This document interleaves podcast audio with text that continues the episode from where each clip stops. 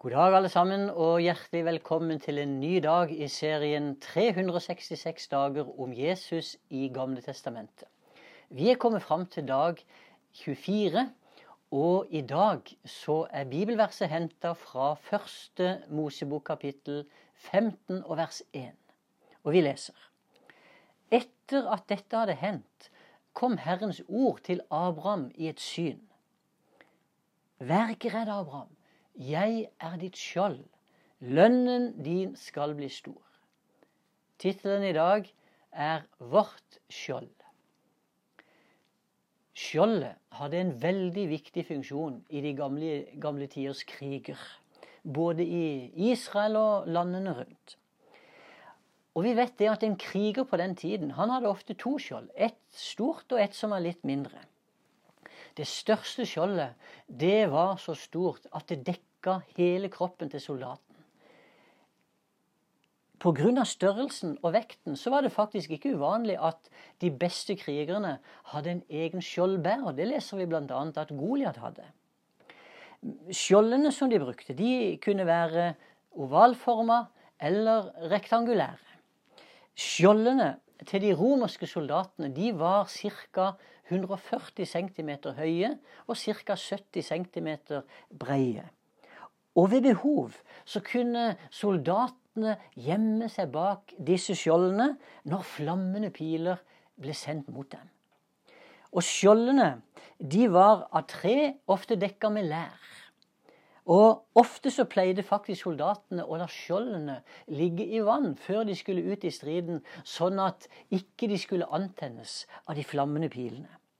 Og så lenge soldaten var skjult bak skjoldet, ja, så var han under en totalbeskyttelse. Ingen pil kunne nå han. Og når Gud bruker skjoldet som et eksempel for å beskrive hvordan han verner oss, så må jo vi ha i tanke den funksjonen som skjoldet hadde i gamle dager. Ingen våpen kan nå den som er skjult bak Guds skjold. Alle som tror på Jesus, de er med i en krig så lenge vi lever i denne verden. Og vi har ikke en kamp mot kjøtt og blod. Vi kjemper altså ikke mot mennesker, men vi kjemper mot makter og myndigheter, mot ondskapens ånde her i himmelrommet. Paulus han sto jo også i denne kampen, og han beskriver åssen Gud har gitt oss en rustning for at vi skal være beskytta. Det kan vi lese om i Efesene 6. Djevelen står imot alle mennesker som er skapt av Gud. Og Jesus sa han er jo kun kommet for å stjele og drepe og ødelegge. Og hele tiden så sender altså djevelen flammende piler mot oss med sykdom, pine, mismot og elendighet. Og det han mest angriper, det er faktisk vårt tankeliv. Han vil spre mismot, han vil få oss til å tvile på om vi virkelig er Guds barn. Men Gud har ikke overlatt oss til oss selv, for det er hans krig. Et angrep på Guds skapning, det er som et angrep på skaperen selv. Og Derfor er Gud aktiv i denne kampen. Og han har altså gitt oss sin egen sønn som et skjold. Det betyr at Jesus tar støyten for oss når fienden angriper. Pilene som djevelen sender ut, de rammer Jesus i stedet for oss.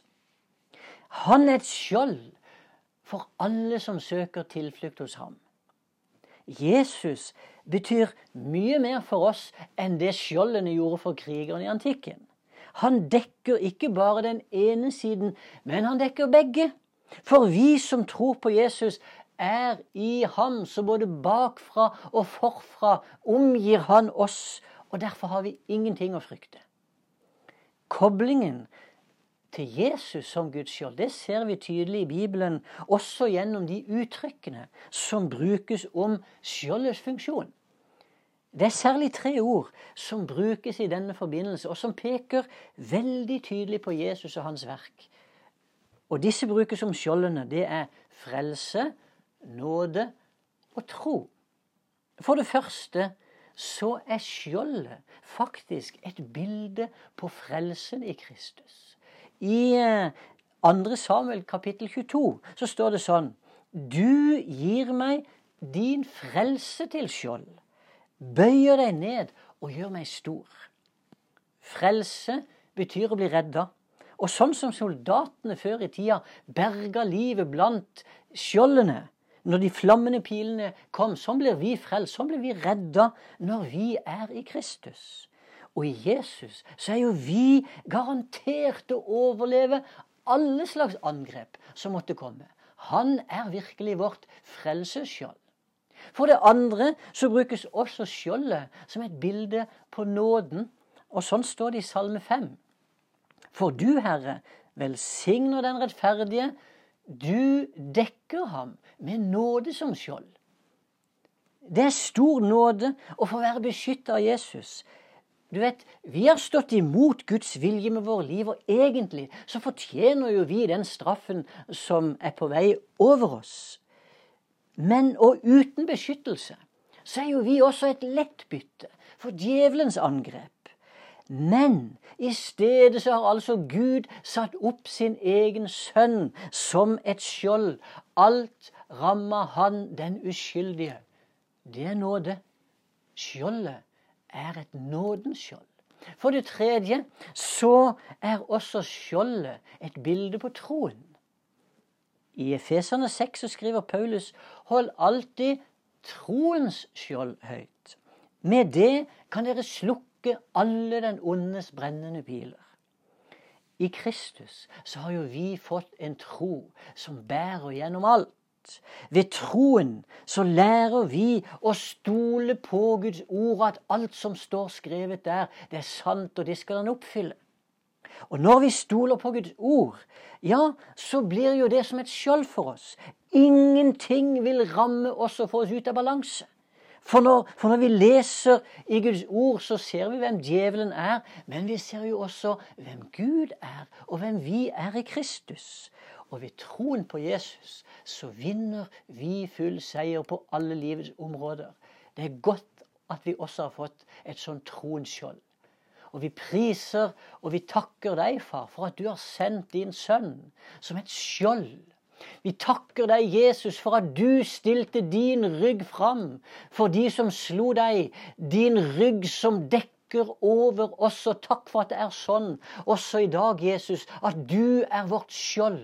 Og at også denne dagen skal vi få oppleve hvor godt og hvor trygt det er å være i deg. For du dekker oss, og du omgir oss på alle sider. I Jesu Kristi navn. Amen.